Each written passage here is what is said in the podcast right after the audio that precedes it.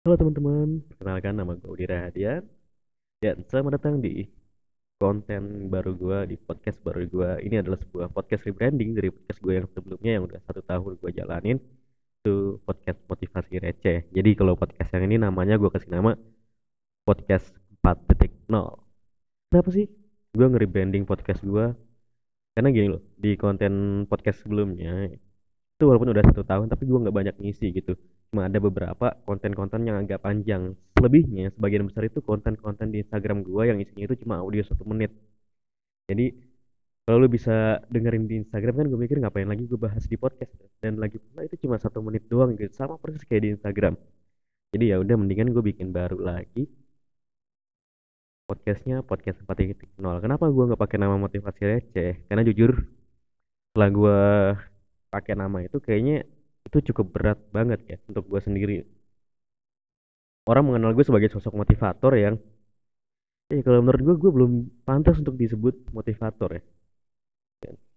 Dan gue kadang agak keberatan juga untuk membahas suatu permasalahan atau suatu pembahasan dengan tema-tema motivasi kalau untuk selalu motivasi. Karena banyak hal-hal menarik sebenarnya yang pengen gue bahas tapi ya tidak selalu berhubungan dengan motivasi. Akhirnya gue mikir itulah konten konten motivasi receh itu cukup ada di Instagram. Dan bahkan bu, bukan di Instagram personal gue sekarang Instagram personal gue gue ngebahas motivasi receh lagi. Kalau dulu hampir setiap hari gue bahas bikin konten motivasi receh di Instagram personal gue tapi sekarang gue pengen nge-rebranding lagi. Jadi di Instagram personal gue juga udah nggak ada konten-konten motivasi receh bukan nggak ada yang dulu-dulu masih ada. Maksudnya gue nggak bikin baru lagi. Tapi konten-konten motivasi receh tetap bisa kalian dengerin di Instagram @motivasireceh.id.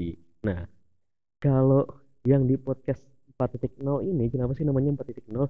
Ya sebenarnya simpel sih karena podcast ini lahir di era 4.0, di era industri 4.0. Itu gue era di mana internet menjadi hal yang paling umum. Jadi ketika fisik, ketika sebuah offline bersinggungan dengan online itu jadi sebuah era baru di mana hampir segala hal yang dalam hidup kita berkaitan dengan internet. Gojek sekarang GoFood Grab ojek online. Ya dan banyak hal lainnya. Bahkan bimbel pun sekarang bisa dilakuin secara online.